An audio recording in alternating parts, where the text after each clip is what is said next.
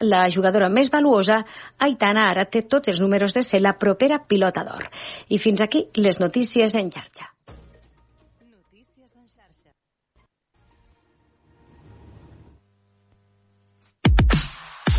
Obert per vacances amb Manel Ferrer. 10 i 4 seguim en directe a l'Obert per vacances, a la teva ràdio local.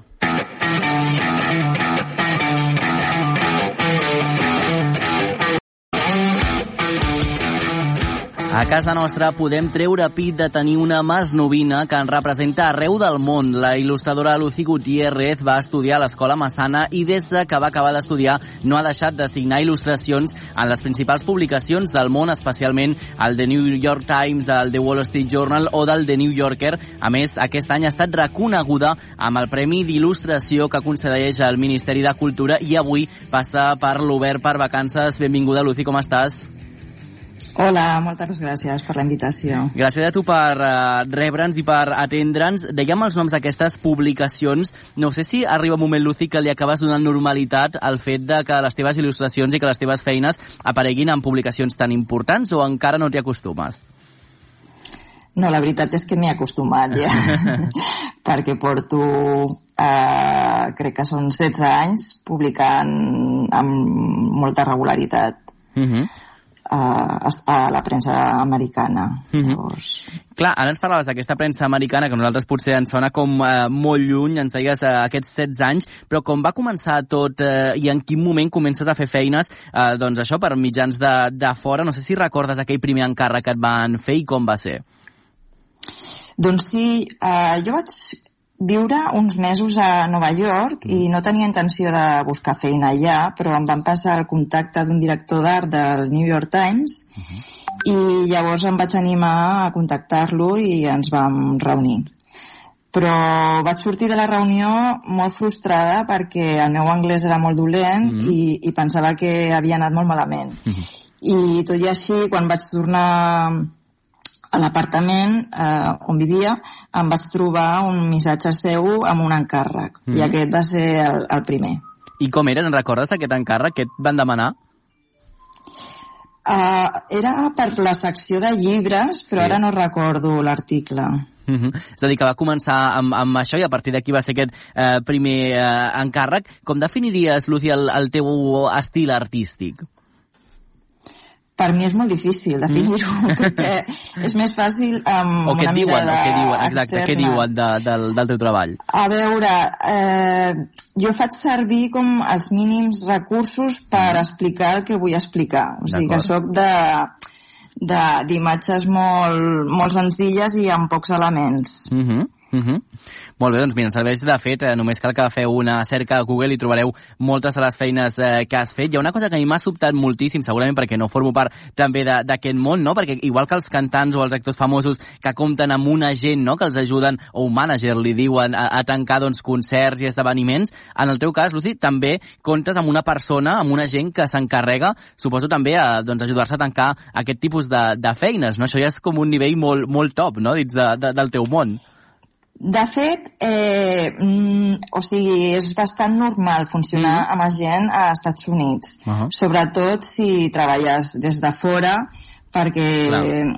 necessites algú que, que s'encarregui, bueno, que coneix millor la, les condicions d'allà i que pugui negociar amb més coneixement, a mm -hmm. més de de tots els tràmits més administratius, burocràtics que, que els domina més. Mm. I per mi això és molt, molt còmode, perquè només em dedico a dibuixar i, i en part m'oblido de, de la resta. Clar, de, la, de, de tota la part aquesta més eh, burocràtica. Dèiem al principi que tu ets del Masnou, però Lucy, tu estàs eh, visquent aquí a, a Catalunya o vas també eh, viatjant a, a Nova York? Eh, com, com és el teu dia a dia? Com és la teva vida?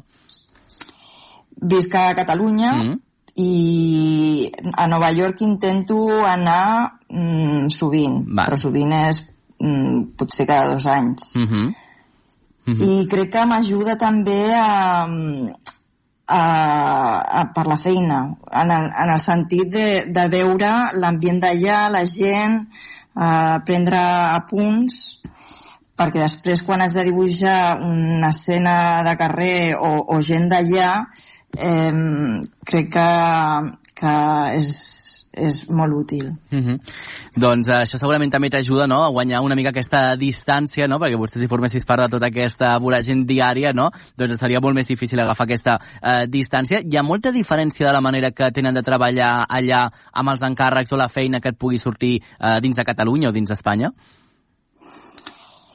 Cada vegada menys perquè mm abans sí que hi havia diferència perquè et demanaven diferents propostes, o sigui, havies d'enviar diferents esbossos i ells escollien una i fan, fan una mica el seguiment del procés. Uh -huh.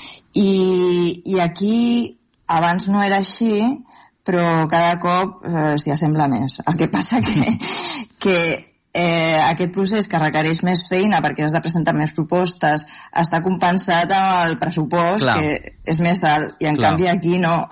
Mm -hmm. Clar, aquí no sé si encara potser, eh, Lucy, eh, és al final una, una visió molt personal, però no sé si encara eh, falta que songui molt de més valor a la feina que feu els il·lustradors, la gent que us dediqueu a il·lustrar aquestes històries, o quina percepció tens? Es valora suficient aquesta feina? Mira, una manera objectiva mm. de veure-ho és per les condicions, i les condicions són molt precàries aquí. Mm -hmm. A nivell tant, de, tant, de, tant econòmic com, com de, de la resta, no? de condicions de contracte. Uh -huh. O sigui que hi ha, hi ha feina a millorar. Hi ha feina a millorar, hi ha eh, camí per endavant. Eh, dèiem també al principi que has estat premiada en guany amb el Premi d'Il·lustració que concedeix el Ministeri de Cultura, eh, que ha estat per tu rebre aquest coneixement. Com, com l'has rebut, aquest, aquest premi? Perquè suposo que de molts que puguis guanyar, home, aquest et deu fer un, una especial eh, gràcia, no? És prou important. Doncs sí, em fa... m'ha fet il·lusió i mm perquè és un, bueno, un premi amb molt de reconeixement uh -huh. però eh, de, he de confessar que em sí. va espantar també una sí? mica, eh? perquè sé que té ressò, sabia, vaja, que sí. tenia ressò mediàtic uh -huh. i i jo sóc d'estar de, de, tancada sola al meu estudi treballant i no Clar. estic acostumada a tractar amb els medis no? Uh -huh, uh -huh. i em va espantar una mica però bueno, crec que, que ho estic portant bé i com va ser per això? És a dir, va haver com una recepció és a dir, qui et va entregar aquest, aquest premi? Com va ser la, la cerimònia? La cerimònia encara no s'ha fet encara no perquè fet. Uh -huh perquè fan l'entrega de tots els premis de, del Ministeri de Cultura a la mateixa vegada i llavors m'imagino que estarà a finals d'any. Molt bé, molt bé. Molt bé, clar, aquí és un moment important, com deies, eh, Lucy, perquè al final tu la teva feina és molt d'estar darrere, no?, i d'alguna manera doncs, també se t'exposa. Ara és veritat que molts mitjans de comunicacions també ens hem interessat eh, molt per la teva feina. Com portes la part aquesta potser més mediàtica de, de, del que comporta també la, la teva feina? T'hi vas fent a poc a poc també? Bueno, eh, la veritat és que preferiria evitar-la. sí, però entenc que, que, que, bueno, que ve amb el pack i, i ho haig de fer. Clar. -huh. de, hem parlat abans, ens explicaves també aquella primera feina que havies eh, fet per mitjans de, de fora, però quina diries eh, que ha estat la il·lustració teva que més repercussió ha tingut per al tema que es eh, tractava? Eh? Aquella que dius, ostres, aquesta va tenir molta, molta volada. Uh, crec que no en tinc cap, mm. així que, bueno, potser alguna coberta del New Yorker, perquè, clar, la difusió és molt gran. Clar, clar i no se m'acudeix res, res més. Uh -huh. ah, dèiem que al final eh, també ens, ens parlaves també de les condicions de la feina a casa nostra i també quan surts a, a fora, perquè al final el teu cas eh, és prou inusual, no? El, el, hi ha molta gent que acaba d'estudiar de, i fins que comença a reconèixer aquesta feina i a poder-hi viure, doncs potser eh, passa molt, molt de temps. Eh, què li diries a aquella gent que al final diu, escolta'm, doncs el camí que ha fet aquesta dona doncs és el que jo vull seguir? Eh, què els diries a aquesta gent que, que volen dedicar dedicar-se a això i, i poder viure de, de, del món de la il·lustració i del dibuix? Doncs uh, quan em fan aquesta pregunta normalment contesto que uh, crec que no s'ha de pensar en el que vol el mercat, mhm. diguéssim, no? O que, que seria més fàcil uh, fer per trobar feina. Mm -hmm. Crec que és millor que un faci el que vol, realment, i que allò segurament trobarà un espai mm, comercial, si, mm -hmm. si ho hem de dir així. No? Mm -hmm. Molt bé. Uh, Lucía, et Doncs volia sí. preguntar també per, justament ens explicaves abans uh, d'aquesta visió que tenies cada cop que et demanen doncs, una feina de Nova York, per exemple, uh, però com és el procés creatiu? És a dir, a tu et proposen el tema i a partir d'aquest tema comences a crear o et donen unes mm, indicacions uh, que són el punt de sortida? Com, com es uh, gestiona una, una feina, un encàrrec que et puguin fer? Com que treballo principalment per premsa, Mhm. el que el que rebeu són els articles. Llavors, eh, amb, amb això i tens la mida de, de la il·lustració, amb això ja t'has d'apanyar, no? diguéssim, que, Uh -huh. que llavors un cop llegeixo el, el text Sí. un o, o, do, o dues vegades, no? perquè s'ha de, com de, de fer un bon anàlisi i una bona interpretació, crec que és la part més important de, del procés. Eh, doncs després eh, dibuixo mm, sense, sense gaire intenció de fer, de com trobar la gran idea, no? sinó vas dibuixant pensant una mica en els temes o en les possibilitats que té el text Uh -huh. i a partir d'aquí van sortint idees o vies per explorar i que surtin altres idees. Uh -huh. Uh -huh. I, i bé, i un cop eh, tinc les, les idees, doncs presento unes propostes, m'escullen una Sí. i faig la il·lustració final. I ja està, i així es publica. Molt bé, i així s'acaba publicant. Eh, Et demanen moltes propostes diferents eh, per un treball o acostumen ja a conèixer també la teva manera de treballar i tu també de conèixer-los a ells, el que volen. Demanen un mínim de tres. Mm -hmm. Uh, jo acostumo a enviar més, suposo que per inseguretat o, o bueno, també faig trobo que hi ha, de vegades són idees semblants, no? però mm. -hmm. que són variants i les afe- afegeixo, però vaja. Molt bé, molt bé. Doncs En un món, un món eh, molt eh, curiós que avui també hem pogut eh, conèixer. Per acabar, Luci, no sé si estàs eh, treballant en algun projecte que ens puguis eh, avançar. Ha algun projecte que tinguis ara sobre la taula que hi estiguis treballant? Ara mateix estic amb la imatge d'un cartell per un event que es fa a Nova York que, que ho gestiona el Ministeri de Cultura, Mhm. justament, que és per un... es diu Velada Lorca, és un event sobre, sobre Lorca. Uh -huh. Molt bé, doncs mira, estàs eh, ocupada per aquests eh, dies. Eh, Luci, moltes gràcies per haver rebut la nostra trucada avui, per haver-nos dedicat també aquesta estona. Moltes gràcies a Gràcies, que vagi vosaltres. molt bé. Fins la propera. Aquest estiu, obert per vacances. Seguim en directe a l'Obert per vacances quan passa un minut d'un quart d'onze del matí i és el moment d'obrir un nou viatget. Avui proposem una ruta 66 a la Lleidatana. La ruta 230 es tracta d'agafar aquesta carretera que va de Lleida a Andorra i anar fent parada a les poblacions que formen part d'Amunt Ràdio. Amb la periodista Anna Gasol visitarem Torre Ferrera, Alguaire, Almenar i Alcarràs. Escalfeu motors. La Nacional 230 acaba el quilòmetre 188, just a la frontera amb França. Uneix Lleida amb la Vall d'Aran, neix a l'Avinguda Alcalde Porqueres de Lleida ciutat i és en aquest punt on comencem el nostre viatget, així, amb diminutiu, perquè la ruta d'avui ens portarà a descobrir tres poblets enllaçats per aquesta carretera al Segrià Nord.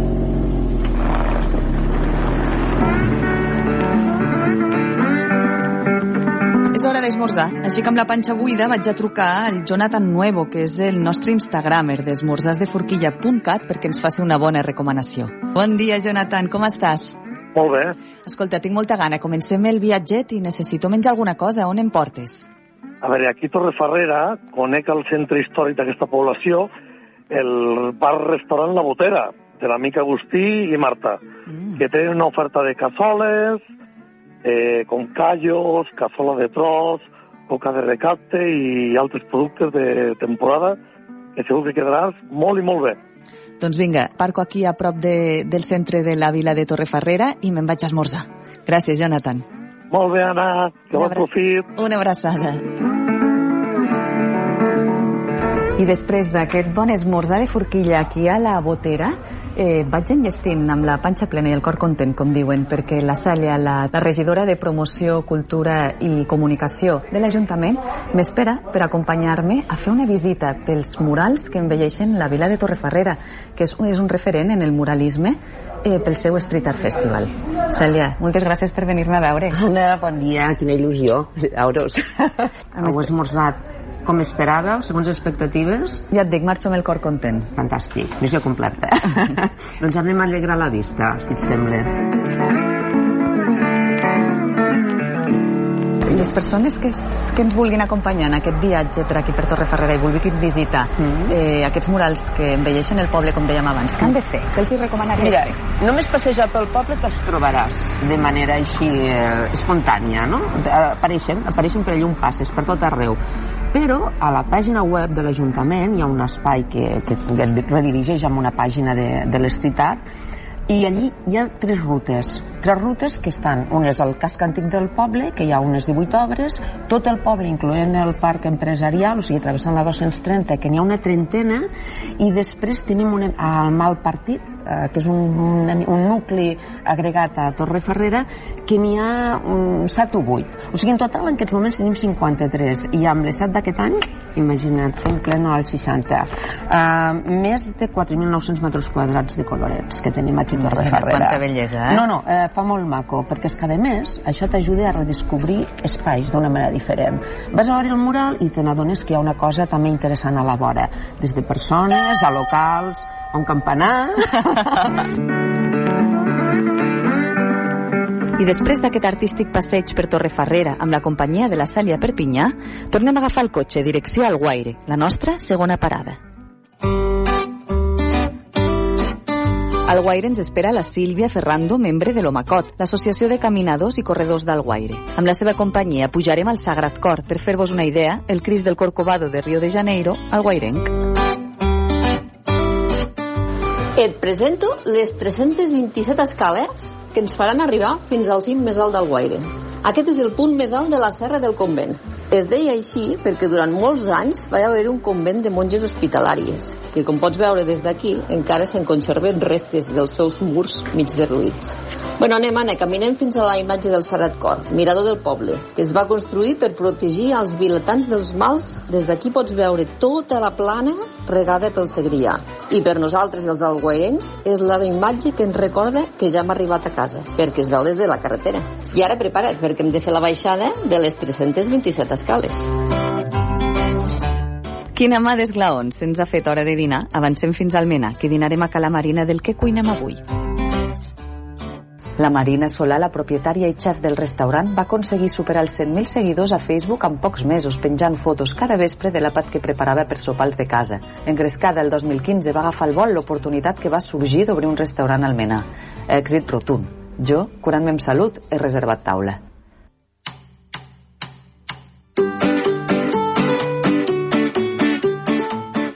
Recuperada de la pujada a la Serra del Sagrat Cor del Guaire, em preparo per la darrera visita d'avui, la que ens portarà a descobrir Almenar, seguint les indicacions de la seva paera en cap, la Teresa Malla. La primera visita és la visita de la de Santa Maria. És una iglesia gòtica que tracta del segle XIV. Va? Després se va fer el campanar cap al XVII. Nosaltres aquí li diem que és la catedral del Segrià.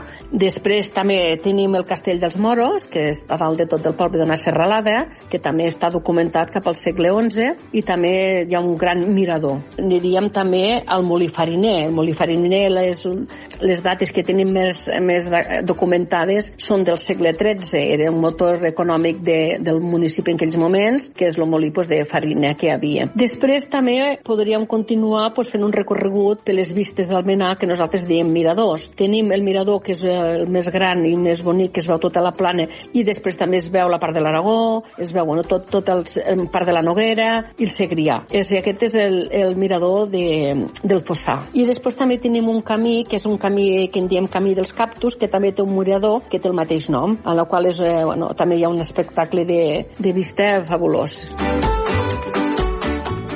I aquí, gaudint de l'espectacle que alegra la vista amb aquesta llum del crepuscle vespertí, acaba aquest viatget per la 230 amb parades a Torrefarrera, al Guaire i al Mena.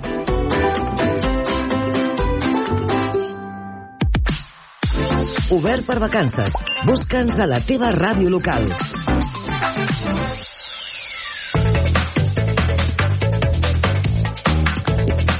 7 minuts per arribar a dos, a dos quarts d'onze del matí. Seguim a l'Obert per vacances i és el moment d'anar cap a Vic per veure o per escoltar per darrer cop gairebé el Miquel Giol, eh, que a primera hora ens parlava i ens donava pistes musicals. Miquel, avui descobreix-nos per què va de música la cosa.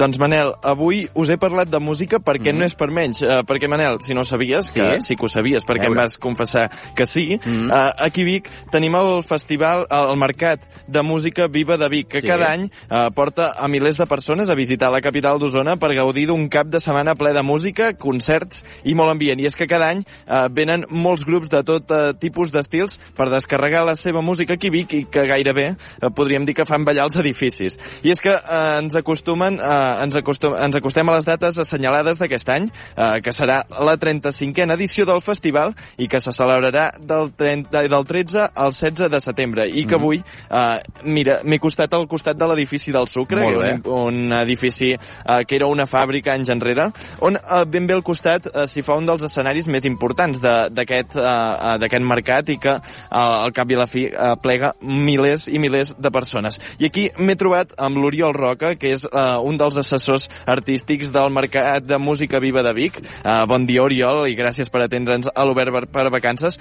uh, per uh, que ens expliqui una miqueta de què va tot plegat. Uh, primer de tot, ens, ens podries explicar una miqueta en què consisteix exactament aquest Mercat de Música Viva de Vic? Sí, el, bon dia, eh? Bon Manel dia, i, bon dia. Miquel. El Mercat de Música Viva de Vic, eh, bàsicament el seu nucli, la seva essència, és que, com el nom diu, és un mercat on venen professionals d'arreu del món per comprar i per descobrir propostes musicals, tant catalanes com, de, com a internacionals.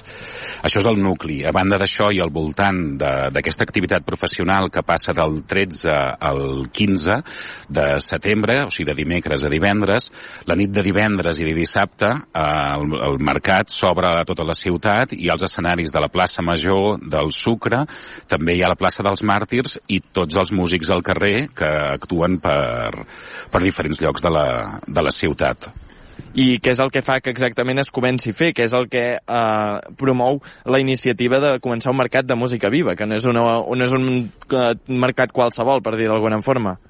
No, de fet, eh, com a, a nivell internacional es diu Showcase Festival d'aquest tipus de format, on hi ha actuacions per, per ser descobertes i per ser contractades en un futur, i això va néixer fa 35 anys, com has dit. Eh, jo no hi era, viu sí que estava, però no era professional del món de la música, i va començar com a iniciativa del, del sector, de, dels mànagers, dels promotors catalans, per organitzar-se una mica i per tenir un lloc que fos una plataforma per presentar les propostes i que fos una eina de treball. De fet, ens consta que és el primer festival eh, amb aquest format de showcase d'Europa. Uh -huh. Oriol, eh, com ha canviat sí, des de la primera edició fins a aquesta 35a, no? Perquè suposo que l'essència s'ha mantingut, però també hi ha hagut una evolució amb el pas del temps. Evidentment eh, que hi ha hagut evolucions, moltes d'elles donades perquè, bueno, ja et dic, jo no hi he estat ni al Marc des del principi, sí que portem uns 12 o 13 anys ara mateix eh, treballant-hi, però les adaptacions que hi han són sobretot a les noves maneres de treballar. Vull dir, pensem que 35 anys enrere potser moltes coses encara es feien per correu ordinari, després ha sortit el mail, la telefonia mòbil i una manera diferent de fer, de fer feina.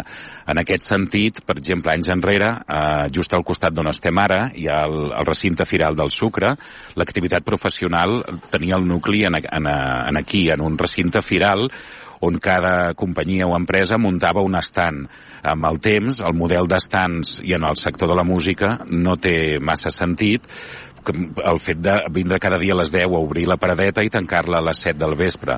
Llavors s'ha traslladat tota l'activitat professional a la, al Teatre Atlàntida, al recinte de l'Atlàntida, on hi ha quatre escenaris més la Jazz Cava, que queda molt proper, i tot funciona més amb trobades ràpides entre professionals, que la gent s'ha agendat la, la seva agenda, i on hi ha un concert, presentacions ràpides, speed meetings, un altre concert, és un format una mica més, més dinàmic. Mm. I un altre canvi que potser hi ha és que anys enrere hi havia molta més eh, programació dins la programació oficial i d'uns anys ençà l'hem reduït per, perquè hem treballat molt per l'eficàcia i l'efectivitat del mercat, de manera que com que venen al voltant d'uns mil professionals d'arreu, que tots puguin veure totes les propostes i que no hi hagi moments que hi hagi dos concerts al mateix temps que, que hagin de fer triar aquest professional a quin concert o a quin, o a quin Clar. va.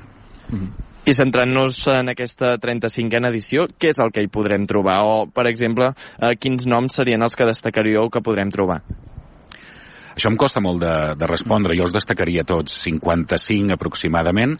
Uh, tenim un 50% d'artistes de, de, de, Catalunya, un 25% aproximadament, eh? no, és, no, no és exacte de la resta de l'Estat, i un 25% de, internacional. A nivell internacional, des de fa uns anys fem un focus en, en diferents països. Aquest any el focus és en, en Itàlia, hi haurà cinc artistes italians, eh, d'estils molt diversos i d'orígens diversos dins del que és Itàlia, i jo podria, destacaria, per exemple, el concert inaugural, que és el projecte Tornado de Marco Mezquida, que anirà en format trio, això serà el dimecres 13 a l'Atlàntida, Eh, això són com produccions o concerts que el mercat s'hi ha posat a coproduir-ho perquè es puguin dur a terme. Hi ha una altra proposta molt interessant que es diu Laboratòria, que són 5-6 noies que hi ha cantants, balladores i, i instrumentistes de, de flamenc i reivindiquen una mica el paper de la dona dins del món del flamenc.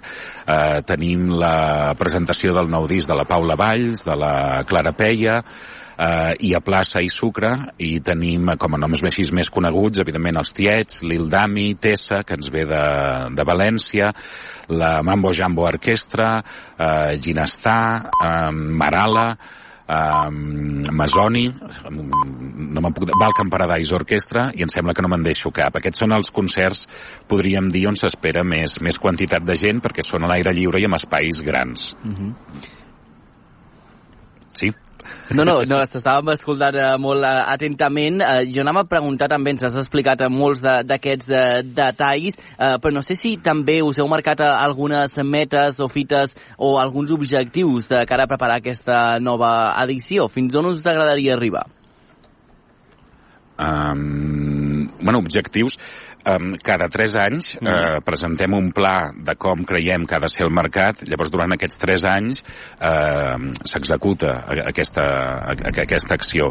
Com he comentat abans, el, el principal és aconseguir ser una eina molt efectiva perquè serveixi per la contractació. El Mercat de Vic és, és una organització pública que depèn de l'Ajuntament de Vic i està subvencionat o està la, la major aportació de diners ve de la Generalitat de Catalunya. Llavors sabem que hem de ser una eina molt útil per a tot el sector. La missió del mercat és activar molt la contractació, poder exportar música de, de casa nostra cap en fora i al mateix temps portar propostes de fora que puguin ser interessants pels programadors de, de casa. Eh, llavors, complint aquests objectius, doncs, dir, és com hem fet aquestes adaptacions de, de treure, per exemple, conf, eh, conferències o exposicions molt teòriques i, i centrar més l'activitat en anar tot el, tot el gra. També tots els concerts, eh, els que són de la part professional, els de l'Atlàntida, estan tots coberts, de manera que si plou assegurem que, que totes les actuacions es poden fer. I els de plaça i sucre ha de ploure molt fort perquè no es puguin fer, perquè els escenaris almenys sí que estan, que estan coberts. Perquè això, ens comentaves que una cinquantena de grups aproximadament o cantants passaran per aquí eh, del 13 al 16 de setembre, eh, però suposo que propostes en teniu moltes més. I en què eh, o en quin eh, pareu us baseu eh, per seleccionar aquests artistes que venen eh, aquests dies al Mercat de Música Viva de Vic? Val. Uh, pel que fa a Plaça i Sucre, el criteri de programació uh, són grups que gaudeixen de popularitat i poder de convocatòria i que tenen una qualitat artística i és com un regal a la ciutat. Podrien ser unes segones festes de, de la ciutat de Vic. Uh mhm. -huh. Pel que fa als criteris de selecció dels artistes que es presenten al mercat, uh, apareixen a la pàgina web és que hi hagi un rigor artístic, que sigui de repertori propi, que hi hagi una solidesa uh, amb la gestió, o sigui, que hi hagi un manejament o que si és una organització pròpia hi hagi una solidesa, que s'estigui presentant un concert nou, el qual no vol dir que el disc sigui nou, perquè vull dir, hi ha vegades actualment que el disc és nou, però el directe està girant des del març de l'any passat. Bàsicament aquests serien els, els criteris que tenim a l'hora de, de seleccionar. També els hi demanem a tots, rebem unes mil propostes cada Carai. any, que ens expliquin per què el mercat els hi pot ser útil. Vull dir, llavors ens ajuda a saber mm. si som útils o no. no. Hi han casos de dir, jo faig aquest estil de música i sabem que no tindrem cap comprador d'aquest estil de música, doncs no té sentit fer Clar. programar aquella proposta artística. Mm -hmm. De fet, eh, Oriol, és eh, molt important pel que deies, perquè com bé diu el nom, és un mercat on d'aquí poden sortir Correcte. noves eh, oportunitats eh, laborals o artístiques. No sé si teniu també d'alguna manera eh, doncs, eh, algun estudi, alguna devolutiva d'aquests eh, grups que hi participen o formacions que hi participen, eh, que diuen, doncs escolta, després d'haver-hi participat ha passat això, hem anat a per aquí o ha sortit aquest projecte. Passa això també que després us fan devolutiva de com ha anat?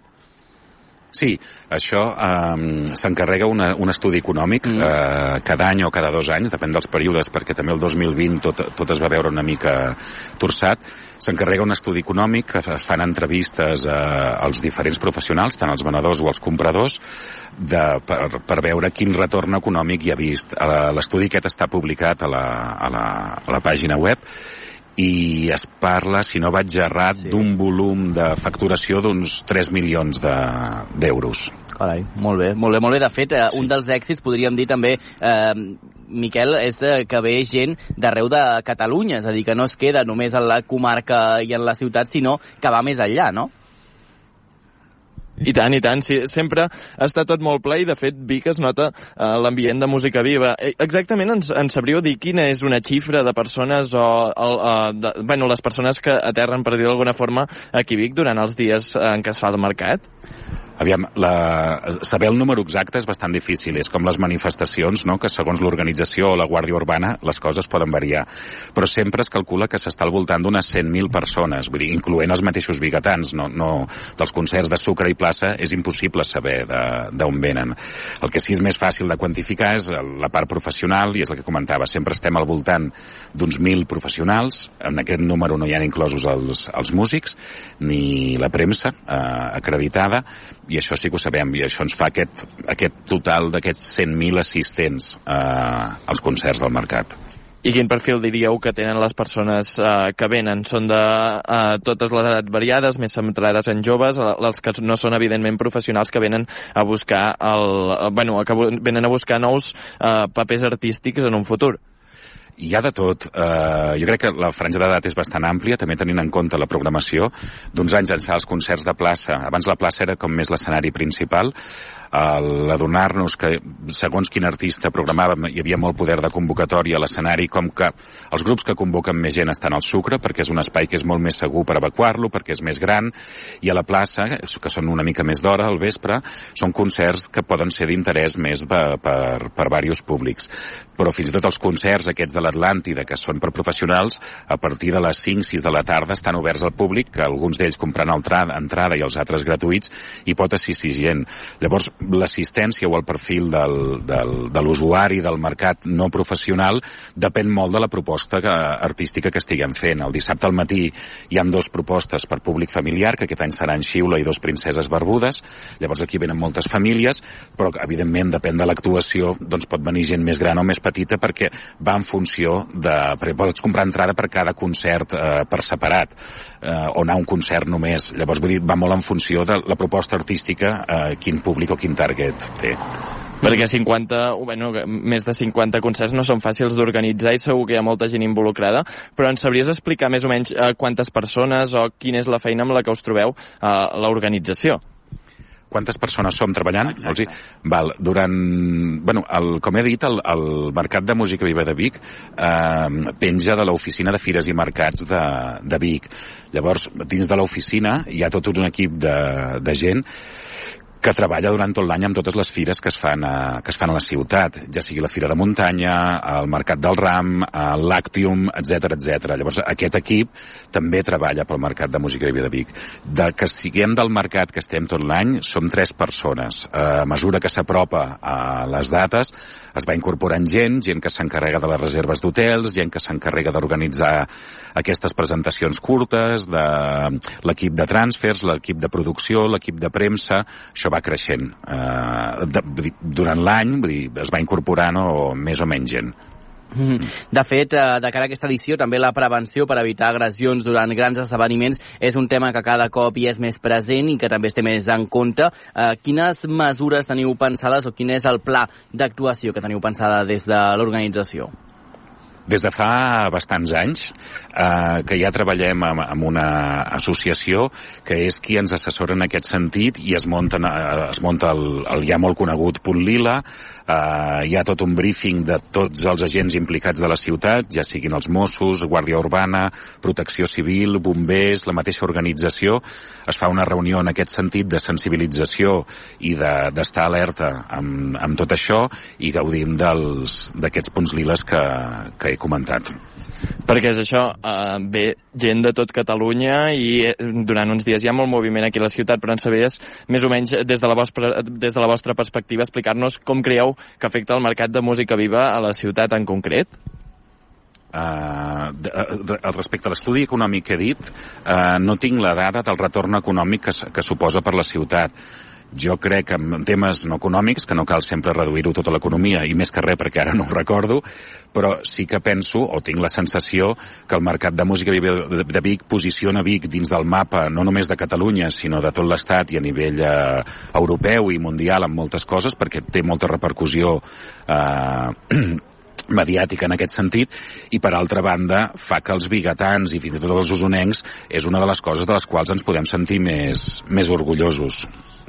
Doncs això, moltes gràcies, Oriol Roca, uh, per aquesta explicació. I Manel, ja ho veus, ja tenies 31 excuses uh, per venir aquí a la comarca i especialment a Vic uns dies, i ara una més, així que ja ho saps, si vols venir a passar uns dies plens de música, ambient i festa, aquí evidentment tens les portes obertes. I m'agradaria afegir, ara tot sí. i que tornarem a parlar, que uh, m'agradaria felicitar totes les emissores per la gran feina que han fet, però especialment a tu, Manel, per tota la paciència, per tot el treball i el dia a dia que has tingut aquí a l'estudi, que a vegades no es valora per tant, eh, felicitar-te per aquesta feina també. Gràcies, Miquel. Ha estat eh, un plaer treballar amb tu i també amb, amb l'Eudal. M'ho he passat molt bé tindrem temps d'acomiadar-nos després, però gràcies per la feina que heu fet, que la feina del reporter és molt complicada, l'he patit durant molts anys i per tant doncs eh, sóc molt conscient de la bona feina que heu fet i amb el carinyo que l'heu fet. Gràcies i en aquest cas al mercat eh, de música de VIP no hi aniré, sinó que hi repetiré perquè en sóc asidu, per tant ens hi veurem. Gràcies als dos, que vagi molt bé, fins ara.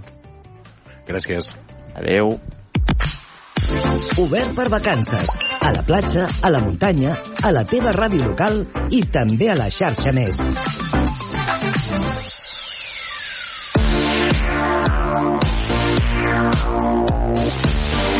10.40. Això a poc a poc es va acabant, eh? Avui, abans, però, grups emergents. Avui, des de Tàrrega, ens arriba la música de Carlitos Miñarro. Repassem la seva rumba d'autor amb la nostra companya de Ràdio Tàrrega, Gemma Peris.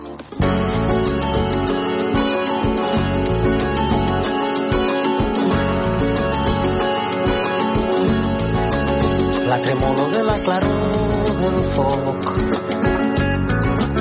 que ens acompanya on el targarí Carlitos Miñarro ja porta molts anys damunt l'escenari. Durant 12 anys va liderar la banda Naraina amb tres discos al Sarró. Al 2015 es llença en solitari i publica La vida crida, un treball produït pel petit de Caleril, i el 2016 amb Superbavi treu un disc de cançons infantils. És a finals del 2017 quan presenta el seu tercer disc en solitari, Impuls, on dona continuïtat a la seva rumba d'autor. Amb l'arribada del coronavirus no pare i presenta l'EP Barret de Palla, un mosaic de quatre cançons confinades. Ara el podem trobar damunt dels escenaris, juntament amb en Pep Lladó, amb el seu projecte La Rumba Blanca, on fan concerts de versions rumberes. Bon dia, Carlitos. Hola, bon dia. El Carlitos, com dèiem, fa rumba, bàsicament. La teva trajectòria és llarga, perquè vas estar 12 anys amb els Naraina. Amb Naraina vam estar 12 anys, abans també havíem estat amb, amb un grup que ens dèiem CEAS mm. i abans també amb un grup que ens dèiem CEAMAIS però això ja era el paleolític tardà i després va, vaig publicar també tres discos en solitari. En solitari, el 2015 et llences a la piscina i publiques La vida crida, sí. un, un treball produït pel Petit de Carelil. Sí. Estem a prop. Ah, és encantador. És un sujeto fantàstic, meravellós. I després vas fer una incursió infantil, que és molt divertida, el 2016, amb Superbavi. Sí, una passada. A més, va tenir molt, molt bona rebuda de, del públic, moltes actuacions, i de tant en tant encara faig algun bolo d'això. I després, el 2016, ja presentes el tercer disc en solitari, Impuls, i ja el 2019 neix la Rumba Blanca amb en Pep Lladó. Amb el Pep Lladó teniu molta sintonia. Sí. Us enteneu molt bé. Amb el Pep Lladó han format un tàndem des de fa, doncs no sé quants anys, ja uns quants, i mira que amb el Pep Lladó ens vam conèixer en la gravació perquè ell va, ens va produir i enregistrar l'últim disc de Naraina, el disc mm -hmm. Ara toca volar, el vam fer el seu estudi, allí ens vam conèixer, però no havíem tocat mai junts, fins un dia que vam coincidir a Girona, curiosament, i, i vam acabar tocant allí en un bar, aquestes coses que, que ens passen als rumberos, i llavors vam dir, ostres, pues si no havíem tocat mai junts, i pues és veritat, i llavors eh, va haver molt bona sintonia i des de llavors que ens, eh, ens ajudem, ell m'ajuda a mi, jo l'ajudo amb ell, eh, jo li toco el que convingui, ell em toca a mi el que convingui i fem concerts amb la Rumba Blanca que, que la veritat és que en fem molts de concerts i ens va superbé i estem molt contents. Amb la rumba, per això, és el que t'ha marcat tota la vida. La rumba, jo quan la vaig descobrir em vaig quedar despentinat i ara ja se m'han anat posant una mica més a puesto els, els pocs cabells que em queden, però Eh, sí, sí, la rumba és un, és un pilar de la meva vida. Una actitud, eh? no només musical, sinó també com a, com a actitud de la vida, com a filosofia. Perquè la rumba et, et permet, per exemple, improvisar? Sí, improvisar amb ritme, buscar les tornades, els montunos que es diuen, tu fas un lerelele i ja està, i el lerelele entra en tot. El Pep, precisament, vam fer una, una conferència, concert a l'aula universitària de, d'Agramunt, no? I, I van fer això, un repàs i una trajectòria de la rumba, perquè el Pep doncs, és un, una persona amb, amb molta experiència en aquest món, era el pianista el Gato Pérez, ha tocat amb el Peret, amb los Amaya, amb tothom, no? llavors té mil batalletes per explicar. Uh, al final la conclusió era una mica aquesta, no? que és la rumba catalana, no? perquè si és això, si és el ventilador, qui va inventar... El són molt, moltes discussions molt obertes i al final la rumba és la música que fa el rumbero i el rumbero o, o rumbera és una persona que té una actitud no? quan a algú se li diu hosti que rumbero que ets doncs es refereix amb aquesta actitud davant la vida, desenfrenada, una mica de, de amb humor, amb alegria, amb salero, no sé. Positiva. Positiva. El que està clar és que has fet molts amics al llarg d'aquest viatge. Sí. És el més, eh, per mi, el més important és precisament això. Podria dir que a tots o a quasi tots els pobles de Catalunya eh, hi ha un lloc on, on tinc un lloc on, on anar a fer un veure o a saludar amb algú, amb moltes amistats i, i això pues, és, és meravellós.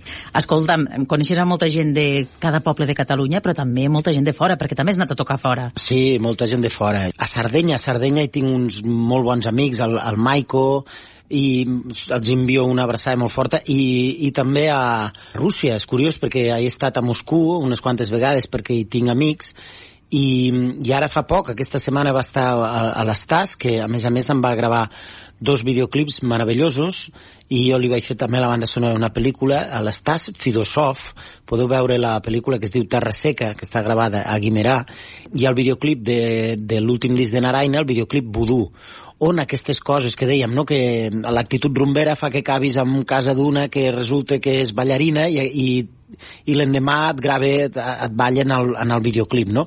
És una ballarina de música clàssica, eh, de ballet, no? I són aquestes coses boniques que et donen, no? Que, que, que et reconforta. Rússia, el teu amic encara està a Rússia? No, ell ha hagut de fugir. Ell viu, ja no viu a, a Moscou, no, ha hagut de fugir, s'ha quedat sense país ell ja no viu a, a Rússia com molts que han hagut de, de fugir. Escolta'm, Carlitos, amb, amb què acabem aquesta entrevista? Amb quina cançó l'acabem, aquesta entrevista?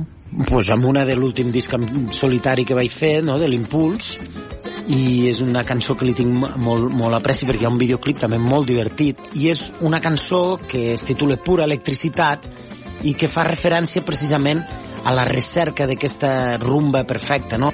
Pura electricitat. Ja no sé què més puc fer si ha acabat la melodia que em duia l'hivernacle del jardín de l'alegria. Això que esmorzo cada dia, cereals amb nicotina i m'inspiro amb Walter White i la seva amfetamina. Com blau estel que els narcos guien els teus ulls són dos estrelles. Dins la boira sempre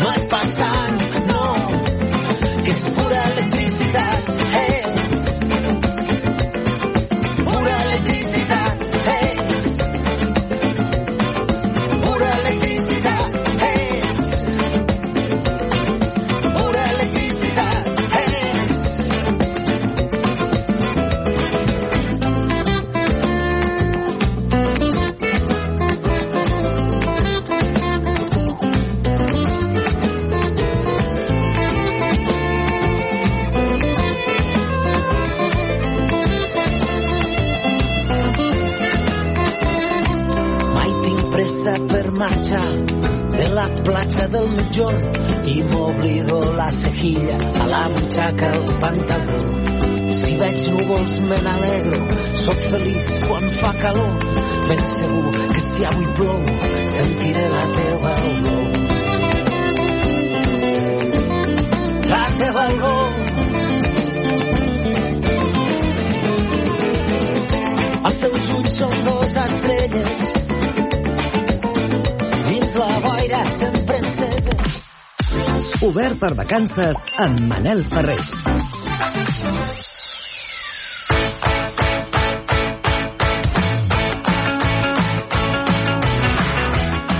Darrere agenda cultural de la setmana i de l'estiu, podria dir ja de la mà del nostre company Àlex Riba. Molt bon dia, Àlex, com estàs?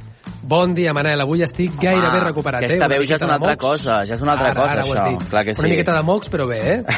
Molt bé, doncs escolta'm, això ja ho recuperaràs, segur que comença el cap de setmana amb molta força. Escolta'm, quins són els plans que tenim per aquest cap de setmana i per avui divendres? Arrenquem amb el darrer concert del cicle Espais, el mm. qual tindrà lloc demà dissabte a càrrec d'Helena Gadel. L'artista catalana presentarà els seus nous temes plens de força, sensibilitat i poesia. L'actuació tindrà lloc a les 9 de la nit a la Col·legiata del Castell de Cardona. Abans de que m'ho preguntis, Sí? Manel, les entrades tenen un preu de 10 euros i et recomano que corris a agafar-ne perquè ja gairebé no en queden. Doncs mira, és eh, perfecte, hem de córrer a cercar aquestes entrades, eh, però les podem aconseguir on es compren? A través de la pàgina web de l'Ajuntament de Cardona. Molt bé, doncs perfecte. I què més ens eh, presentes per avui? De Cardona ens n'anem fins a Ripoll, on demà també conclou el 44è Festival de Música en el Monestir de Santa Maria. Els protagonistes d'aquest darrer concert seran la violinista Elisa Scudeler i el pianista Miquel Esquines. Però el més singular d'aquest cicle segurament sigui l'indret on té lloc. Si et dic que pensis en Ripoll, eh, Manel, probablement se't vingui a la ment el Monestir de Santa Maria. Oh. En sàpigues o no el nom. Això és indiferent. Sí, exacte. Què millor que gaudir d'un concert de música clàssica en el claustre d'un monestir benedictí del segle IX? Mm. Doncs és perfecte, jo crec que és un eh, emplaçament eh, ideal i, vaja, és meravellós. Com podem aconseguir aquestes entrades i quin preu tenen? Mira, el concert tindrà lloc a dos quarts de 10 i les entrades es poden adquirir a través de la pàgina web de l'Ajuntament de Ripoll des de 15 euros. Molt bé, doncs un preu eh, molt bo i molt correcte. I escolta'm, anava a fer ara una broma amb la cançó de l'estiu, però millor a dir cap a la darrera proposta de l'agenda, eh? Per acabar, recomano el Festival Acústica de Figueres, del qual ja en vam parlar ahir. Mm. És un esdeveniment que no deixarà ningú indiferent, ja que compta amb un gran elenc d'artistes. Jo en destaco de tallets o de tiets, que ningú se'ns enfadi. Sí? Eh? Clars o candidats els a més a tiets, fer-se... clar, és que hi ha moltes versions per dir-les. Exacte, exacte. A més, són els candidats, eh, un dels candidats a fer-se amb la cançó de Oh, l'estiu. tant.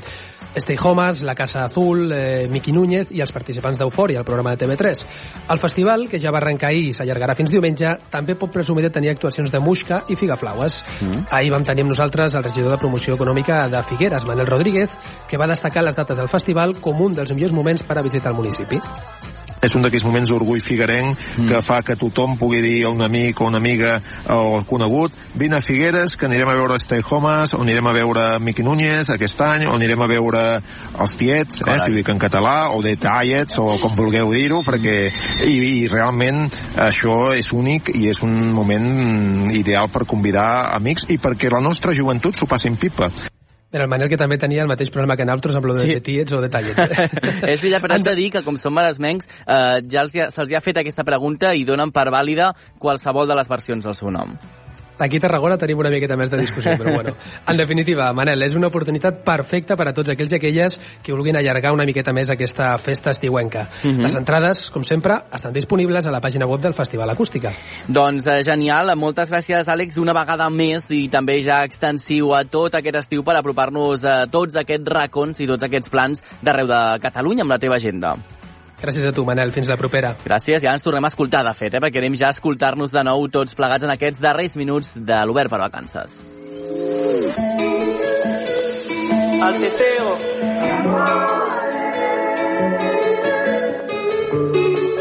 10.52 és el moment de reservar-nos aquests eh, minuts finals de programa per xerrar una mica tots plegats en aquest eh, moment gairebé final. Anem a saludar a gent que està ja aquí amb nosaltres i que avui estan a l'estudi en directe amb mi, a la Gemma Ponce. Com estàs? Bon dia, Manel. Bon dia i gràcies també avui per acompanyar-nos i desplaçar-se a la Laura Prillo, directe des del Prat. Benvinguda a Premià també. Moltes gràcies. T'agraden bon les dia. instal·lacions? Oh, estic com Estàs una nena fotos, petita. És com que si estiguessis de viatge com gairebé. d'excursió del col·le. Escolta, va, eh, comencem per vosaltres, però si de fet podem dir hola a tots els nostres companys que també ens estan eh, acompanyant eh, de manera telemàtica en aquests minuts eh, finals, però si voleu comencem per vosaltres, Laura i Gemma, en la part de la producció del programa, que, que us ha semblat aquesta experiència? Com us heu passat? Superbé, molt enriquidora, Manel. Sí? Molta feina, molt d'estrès, molt d'anar a les escaletes movent-les amunt i avall. um, una relació tòxica amb els podcasts, però ens ha encantat. Ha sigut una feina de matemàtiques, eh? Perquè al final calcular els temps, que no es passi de temps, que aquest podcast va llarg, que aquest curt... Mm. Clar, al final ens salvaven de molt, perquè al final el directe eh, és el directe, no? Totalment. Però al final els podcasts que són xulíssims, que parlen de contingut superdivers, al final eh, ens salvaven de molt, però és això, que a vegades és com, Mhm. ai, aquí ens passem, anem malament de temps, hem de córrer del directe. Mhm. I, bueno, fer aquests càlculs amb la Gemma ha Doncs estat... al principi hem desvetllat els noms, eh, o he desvetllat molts els noms que ens acompanyen eh, cada matí d'aquesta estructura d'Obert per Vacances. Eh, Deixeu-me que també saludem a l'Anna Morgades, que avui també està en representació del Didac Boza, que han estat els dos eh, caps nostres, per així dir-ho, de la xarxa, els responsables d'aquest programa. Anna, bon dia. Hola, bon dia. Els que rondinem. Exacte, però ho heu fet, ja ho he dit al principi, que us heu portat molt bé amb nosaltres i ens heu posat molt, molt fàcil. Eh, Què en podem dir d'aquesta experiència, d'aquest estiu que estem ja deixant enrere? Bueno, molt bona, no? Igual que, que els dos estius anteriors ha estat un plaer, sou com unes, com unes vitamines, nosaltres que ja som una mica més boomers, doncs eh, és com, com rejuvenir una mica, treballar amb tots vosaltres ha estat, i a més a més ens ho, mm, ens ho heu fet molt fàcil, vosaltres també. Doncs ha estat uh, un plaer per nosaltres uh, passar aquest estiu, Anna, que hem recorregut uh, Catalunya de punta a punta, eh? De dalt a baix, Sí, sí. d'esquerra a dreta, vull dir, no, no, no, no ha quedat res, no ha quedat res. És Més veritat. de gairebé 60 ràdios hem fet aquest programa, vull dir que, que molt bé. Ha estat brutal com a experiència i també eh, obrim també la paraula perquè puguin acomiadar-se, si més no, a la, a la resta dels eh, companys. Eh, Anna Gasol, que t'estem robant aquests minuts també, Anna. Ens estic escoltant encantada aquí tots, eh? Què t'ha semblat l'experiència i què passarà a partir d'ara? Eh, No sé què passarà, però mire, a mi aquesta experiència de comunicar-me directament amb els oients, que no l'havia viscut mai fent Mhm. un programa, m'ha encantat. I després he descobert un gènere, eh? això de la cançó de l'estiu. Veus? Ja puc muntar un munt de festes, tots convidats. És veritat que hem ampliat la nostra playlist de, de cançons, eh, Anna? I tant. I també hem de donar veu als, als que han estat coordinadors també d'aquests programes que també han fet moltíssima feina, la Núria Cartanyà, l'Àngel Hernández, el Pep Sunyer, també eh, la Cristina Cantal, és que hem tingut a moltíssima gent, a la Bel Font, el Sergi Corral, que estan també per aquí. Eh, gràcies a tots vosaltres. Un ple, un ple, Manel. Que bé. Un plaer, Manel. Àngel, digues alguna cosa, que ja, ja serà la darrera vegada que t'escoltem. Se'm farà estrany no escoltar-te en els meus dia a dia. Bueno, és que estava esperant que em donessis pas molt tranquil·lament aquí. A veure, què ens vols dir? Algo bonic per acabar, Àngel? Vinga, us dic alguna... És que abans m'has- no m'has acomiadat, eh? M'he quedat una mica m'esperava amb un aquest moment.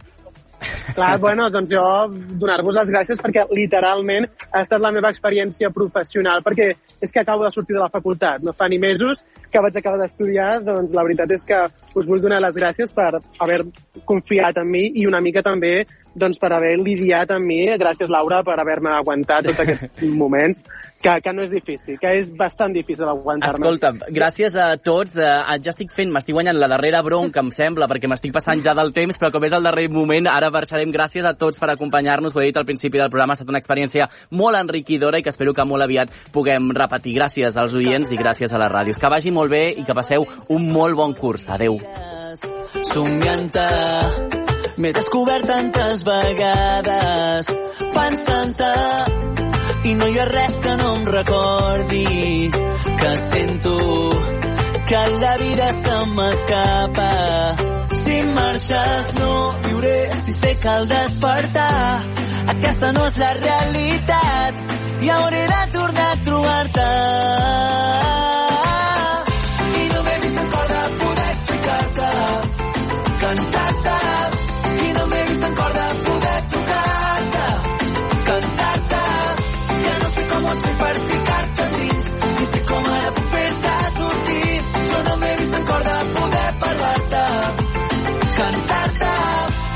puc demanar-te que m'estimis és una vida sencera. D'aventures de calma del que sigui que si vols guerra no hi haurà treva. Sé que tu amb mi, sé que tu amb mi. Som una fàbrica de nit sense fi.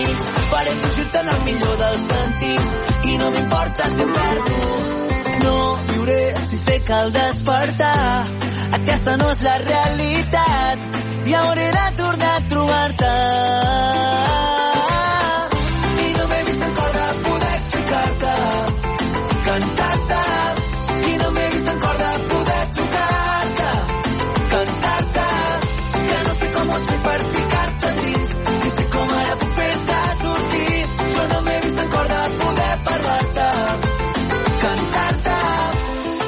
fa temps que passo els dies somiant-te. M'he descobert tantes per dir que sento que la vida se m'escapa si marxes. I no m'he vist en cor de poder explicar-te